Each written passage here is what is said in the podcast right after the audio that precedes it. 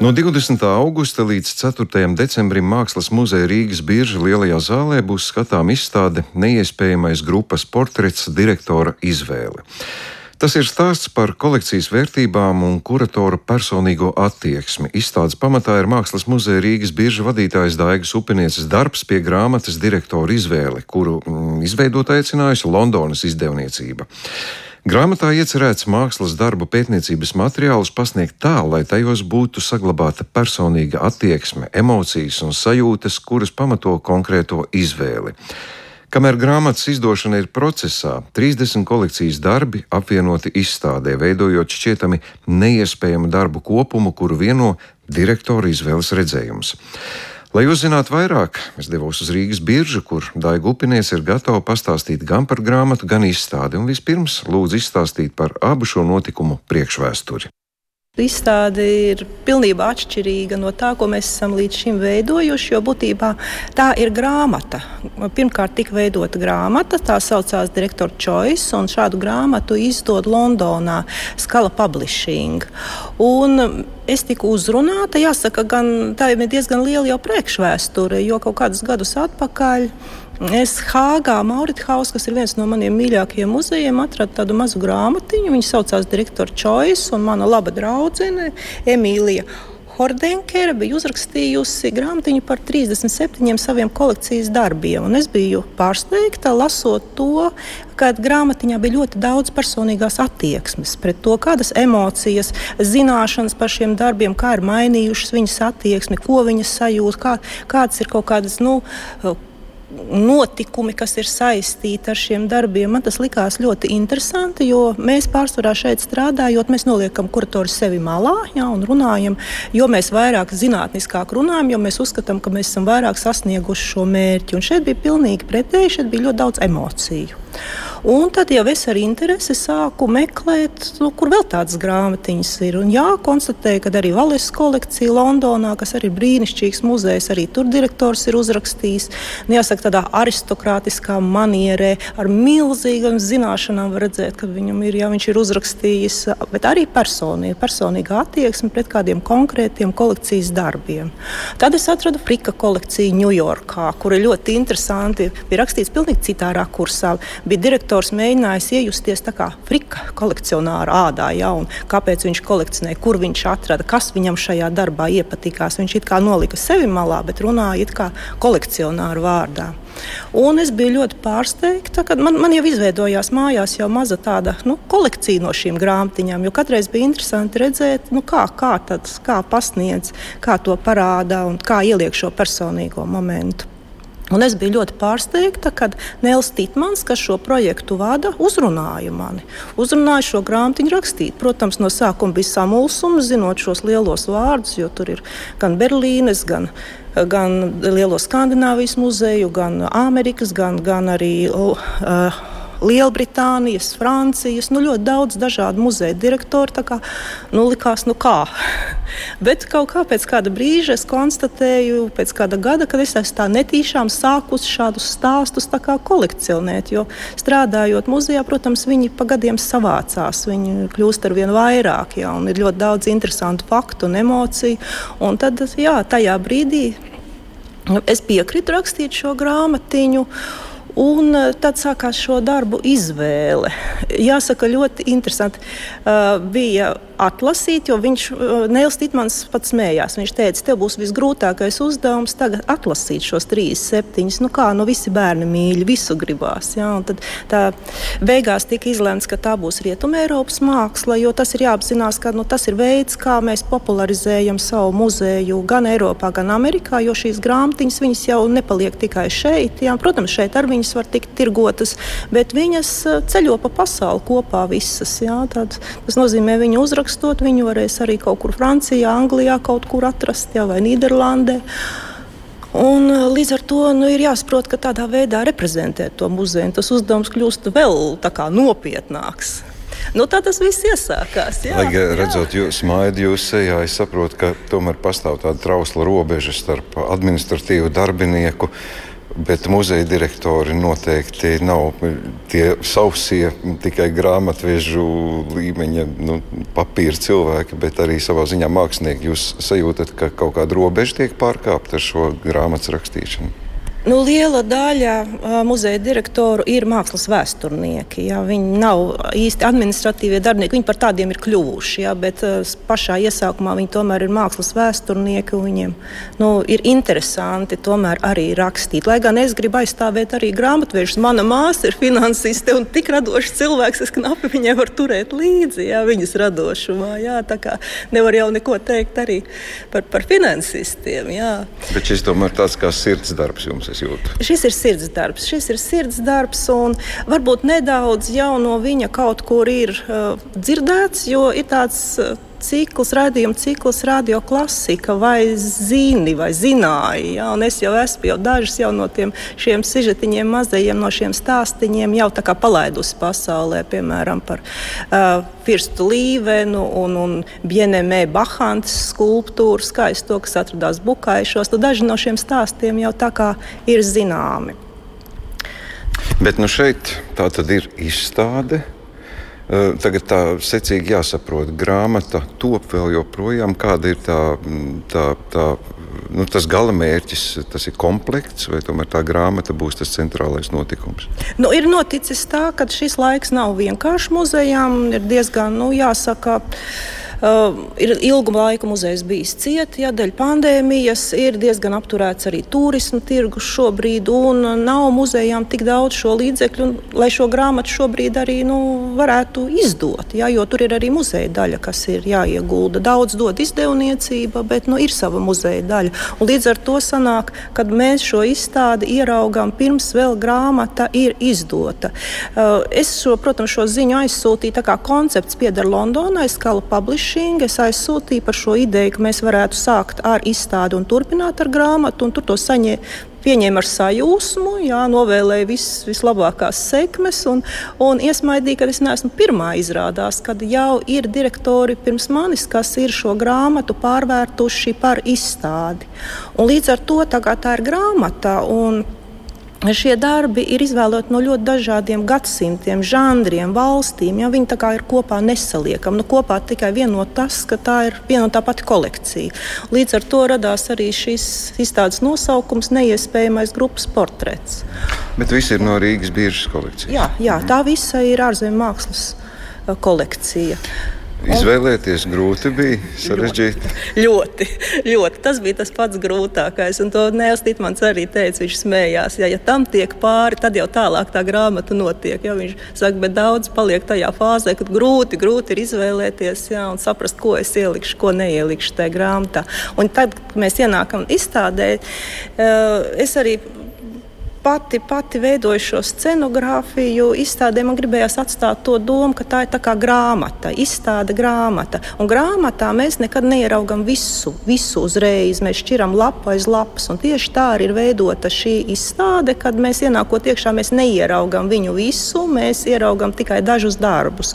Un ejot cauri izstādē, mēs ieraugam nākamo, nākamo, nākamo. Nu, tieši tāpat kā, kad mēs lasītu grāmatu, mēs pāršķiram lapu aiz lapas, aiz lapas un ieraugam kaut ko vēl. Es esmu ļoti pateicīga profesoram Aleksējam Naumovam, jo viņš ir mūsu krāsu konsultants. Ne pirmo reizi mēs kopā strādājam. Jā, atcerieties, arī izstāde Provanses valdzinājums. Jā, bija, bija viņa krāsas, krāsas jā, kas, kas valdīja šajā izstādē. Un šoreiz arī viņš ir veidojis, un nu, arī viņa uzdevums nebija vienkārši jā, parādīt gan 16. gadsimtu, gan 20. gadsimtu to visu telpā apvienojot un, un reizē arī parādot to dažādību. Nu, tagad man jāsaka, laikam, kā būs palasīsim izstādi kā tāds jauns termins. Uh, es sarežģīšu jūsu uzdevumu vēl vairāk. Mums nebūs tagad laika apskatīt visu un izstāstīt par katru darbu. Nu, ko jūs tagad izceltu varbūt jau no tiem, kas jau ir tik, tik daudz izloloti, izmeklēti? Šķirsim lapas puses, kuras atšķirsies, tās skatīsimies. Un ko es gribu teikt? Izstāde var nākt skatīties vienkārši labus mākslas darbus. Viņi ir divējādi skatām. Viņu var lasīt kā grāmatu, un viņu var šķirstīt kā bilžu grāmatu un skatīties vienkārši labu glezniecību. Man nav nekādu ambīciju, ka es kaut ko šajos darbos pielieku klāt vai noņemu vai kaut ko savādāk izdaru. Jā. Darbi ir labi paši par sevi, tā ir brīnišķīga glezniecība. Un, ja kādam būs interese arī izlasīt šos mazos stāstus, lapus, nu, tad es būšu vienkārši laimīga. No, nu, atšķirsim kādu lapu. Atšķirsim. Pašā centrā kaut kā ļoti vienkārši un pat bez lielas domāšanas nokļuva Daniela Sēhersa un Lukas Van Īdena veidotais kopdarbs. Tā ir skaista rožu ziedu vija un fonā ir ainava. Varbūt tā varētu teikt, šis darbs ir kā tāda kvintessence visā, visam šim projektam, jo ko es vēlējos, nu, es vēlējos lai mēs ne tikai ieraugam, nu, lai mēs ne tikai redzam, bet varbūt ieraugam kaut ko vēl nedaudz vairāk. Un, ja tas teksts, kuru jūs lasīsiet, kaut nedaudz noderēs vai būs interesanti, jā, nu, man liekas, ka es vienkārši būšu ļoti priecīga par to, ka tas darbs nav velti izdarīts. Nu, šis darbs nu, ir ļoti dažādi skatāms. Pirmais cilvēks priecājas ļoti, jo skaitās, ka Daniels Pansēhers ir viens, varbūt pat pats virtuozākais ziedu gleznotājs. Un, protams, tas pirmais prieks ir priecāties par šīm brīnišķīgajām rozēm, vai, vai apelsīnu ziediem, vai hiacintēm, kas šeit ir attēlots. Bet, ja mēs sākam skatīties dziļāk, mēs konstatējam, ka Daniels Zēhers ir bijis ne tikai mākslinieks, viņš ir bijis arī jezuītu mūks un jezuītu prieks priesteris. Un līdz ar to mums ir jāskatās uz šo darbu pilnīgi no cita redzes punkta, jo mums ir jāstāsta, kā jēzuīti skatījās uz uh, nu, šādu ziedu viju gleznošanu. Pirmkārt, jau Svētais Ignācijas no Lolo, uh, Lolojas, kas ir jēzuīta ordeņa dibinātājs, mācīja, ka Dievu var ieraudzīt jebkurās lietās, un īpaši jau mākslā var ieraudzīt. Līdz ar to caur, uh, caur mākslu var runāt par dvēseles pestīšanu, par to, lai dvē, runāt par to, lai dvēsele neaiziet bojā, bet lai dvēsele nu, var dzīvot mūžīgi. Un šādā veidā Viņš ir veidojis ļoti daudzas kompozīcijas. Ja mēs paskatāmies Hāgā Mākslas vēstures institūta datu bāzē, kur ir apvienoti iespējami daudz viņa darbi, tad šajās kartušās pārsvarā ir iekšā diamātes attēls. Šis ir diezgan unikāls darbs, kur mēs redzam šo ainavu. Iespējams, ka tas ir tāpēc, ka tomēr. Nīderlanda vairāk jā, ir nu, kalvinisma zeme. Iespējams, ka pasūtītājs nav bijis ne, ne katolis, ne jezuīts. Jā, viņš ir bijis varbūt uh, savādāk ir vēlējies. Bet tajā pašā laikā ziedu vija ir pilnīgi identiska tam, ko mēs redzam tad, kad ir iegleznota centrā diamāte. Līdz ar to uh, ir jāskatās uz visiem šiem ziediem kā uz simboliem. Pirmkārt, jau uz rozi, kas ir pats uh, diamātes zieds, ja, kas, um, kuras smarža atgādina ēdeni. Un līdz ar to arī visi pārējie ziedi. Viņi nes kaut kādu simbolisko slodzi, un mums būtībā tā kā grāmatā pastāsta uh, par to, ko mums šeit ir jāierauga. Nu, piemēram, balti apelsīnu ziedi. Mēs viņus tur gar malu ļoti skaisti redzam. Mhm. Viņi simbolizē tīrību, šķīstību un dāsnumu.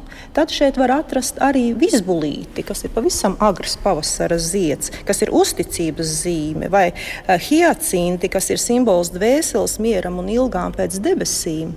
Un kopā šos ziedus skatoties, mēs redzam, ka tie ir dažādi nu, gan pavasara ziedi, gan vasaras ziedi kas norāda uz cilvēka mūža ritumu. Un mēs redzam arī ziedus, kas ir pumpuros, un ziedus, kas ir gandrīz jau novītuši ziedi, kas parāda uz šīs pasaules pārējamību. Tā kā tas simbolu blīvums šajā darbā ir milzīgs, ja, bet ienākot iekšā, mēs, nu, mēs ieraugam tikai ja, šo skaisto ziedus un nopriecājamies, cik skaisti mākslinieks ir mācējis gleznot. Ja, nu man tagad pēkšņi saļodzījās priekšstati par to, ka parasti mēs augstam laikmetīgai glezniecībai kādus skaidrojumus un māksliniekas vēstījumus.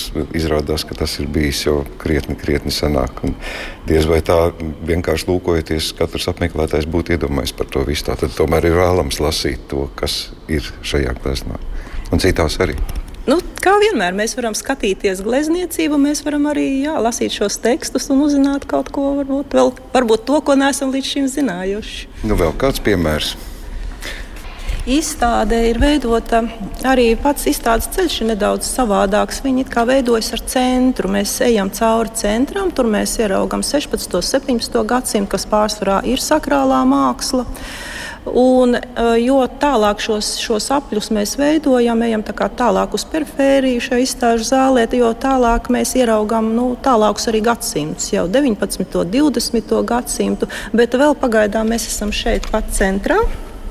Un te ir vēl viens darbs, tas ir darbs, kas būs grāmatiņai. Nu, es ceru, ka grāmatiņa kādreiz arī būs uh, uz vāka. Tas ir jauns vīrietis ar neļķi.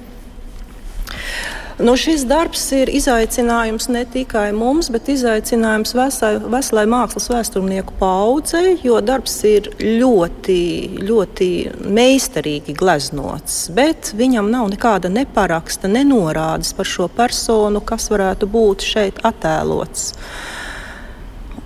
Un šeit ir ļoti daudz arī braukuši rietumu mākslas vēsturnieki, kas pēta tieši 16. gadsimta portretus un kas pārzina līdz pēdējiem otras striepienam un, un, un visus, visus šos meistarus, kas strādā. Un vēl ar vienu nav atbildes. Šobrīd man brauks arī vēl viens profesors no Āhenes, bet, bet vēl ar vienu nav atbilde, kā, kāda meistara otē šīs portrets pieder. Un tad ir tāds veids, kad var sākt pētīt no otras puses, sākt pētīt, jā, skatoties uz šo pašu pašu personāžu. Un te nu ir uh, iespējams jau pilnīgi atribūtēt laiku. Protams, to var darīt arī ar ķīmiskām analīzēm, skatoties krāsu pigmentus, skatoties uh, nu, dendrochronoloģiski, skatoties pašu arī šo uh, koka paneli, uz kuru uzgleznots, bet skatoties arī tipoloģiski uz portretu, mēs redzam ne vairāk, ne mazāk tā laika modi. Un arī tajā laikā mode maidījās ļoti strauji, un līdz ar to ir iespējams noteikt, ka portrets ir gleznots 16. gadsimta 20. gados. Diezgan precīzi. Un ir viens mazs tāds attribūts, pēc kura mēs varam pateikt arī, kāpēc šis portrets ir gleznots. Tā ir tāda maza neļķīte, kas ir šī skaistā jaunā vīrieša rokās. Tas ir mīlestības, laulības simbols, un šādus portretus gleznoja. Tie bija sadarināšanās portreti. Ļoti iespējams, ka mūsu puisim kaut kur pasaulē ir, vai varbūt bija, ja bija šis otrs pāra portrets, jo visbiežāk viņi tika gleznoti pārī.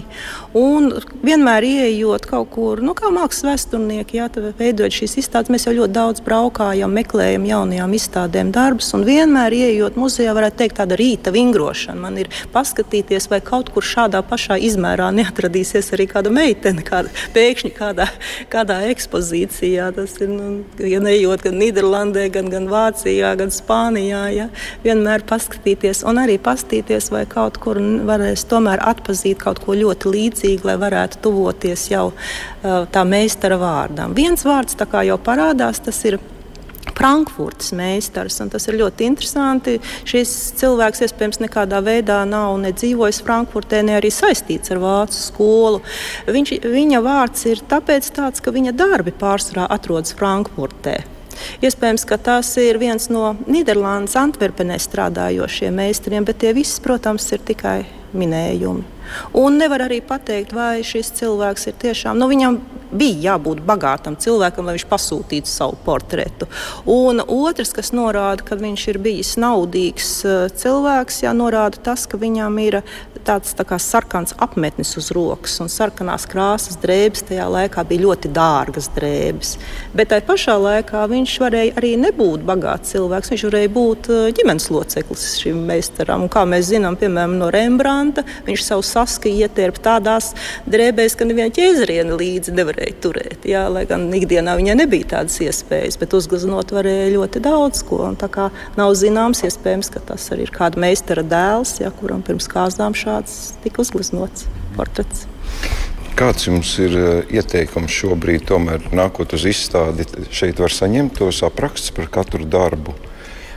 Jā, pie katra darba būs šie apraksti un ir veidota izstāde Tā ka katrs darbs atrodas uz atsevišķas sienas un ir atstātas blakus šīs plaknes, uz kurām būs arī uzlikti šie teksti, lai būtu iespējams vienā acu skatā gan lasīt, gan arī pārliecināties darbā, atrast šīs detaļas, par kurām tiek runāts, atrast. Jā un salīdzināt. Vai arī vienkārši skatīties, skatīties mūsu brīnišķīgo kolekciju, kur nepaliek ne labāk, ne sliktāk no tā, kad, kad es par viņām esmu rakstījusi.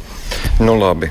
Jūs gan tā diezgan, nu, es nezinu, ne, ne pesimistiski, bet izteicāties, ka cerības, ka varbūt grāmata iznāks. Nu, taču tomēr ir kaut kādas aprises, kad grāmata varētu būt.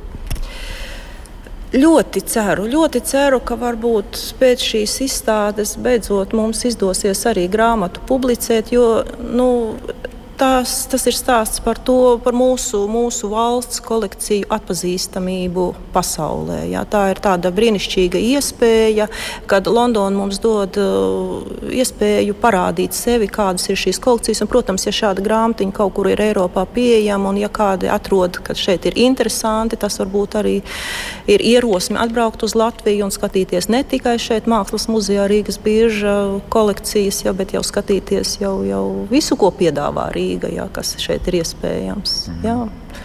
Ļoti ceru, ka tā būs. Šobrīd, šobrīd, nu, šobrīd jā, grāmatiņa vēl ir bez finansējuma. Mēs esam divas reizes devuši kultūra kapitāla fondam, bet nu, man žēl, jā, bet, bet šīs atbildes vēl nav. Bet ceru, ceru ka varbūt būs. Mākslas muzeja Rīgas bieža vadītāja Daiga Upeniece ļāva mums ielūkoties izstādē neiespējamais grupas portrets direktora izvēle. Redzēt un lasīt izstādi varam jau no 20. augusta līdz pat 4. decembrim.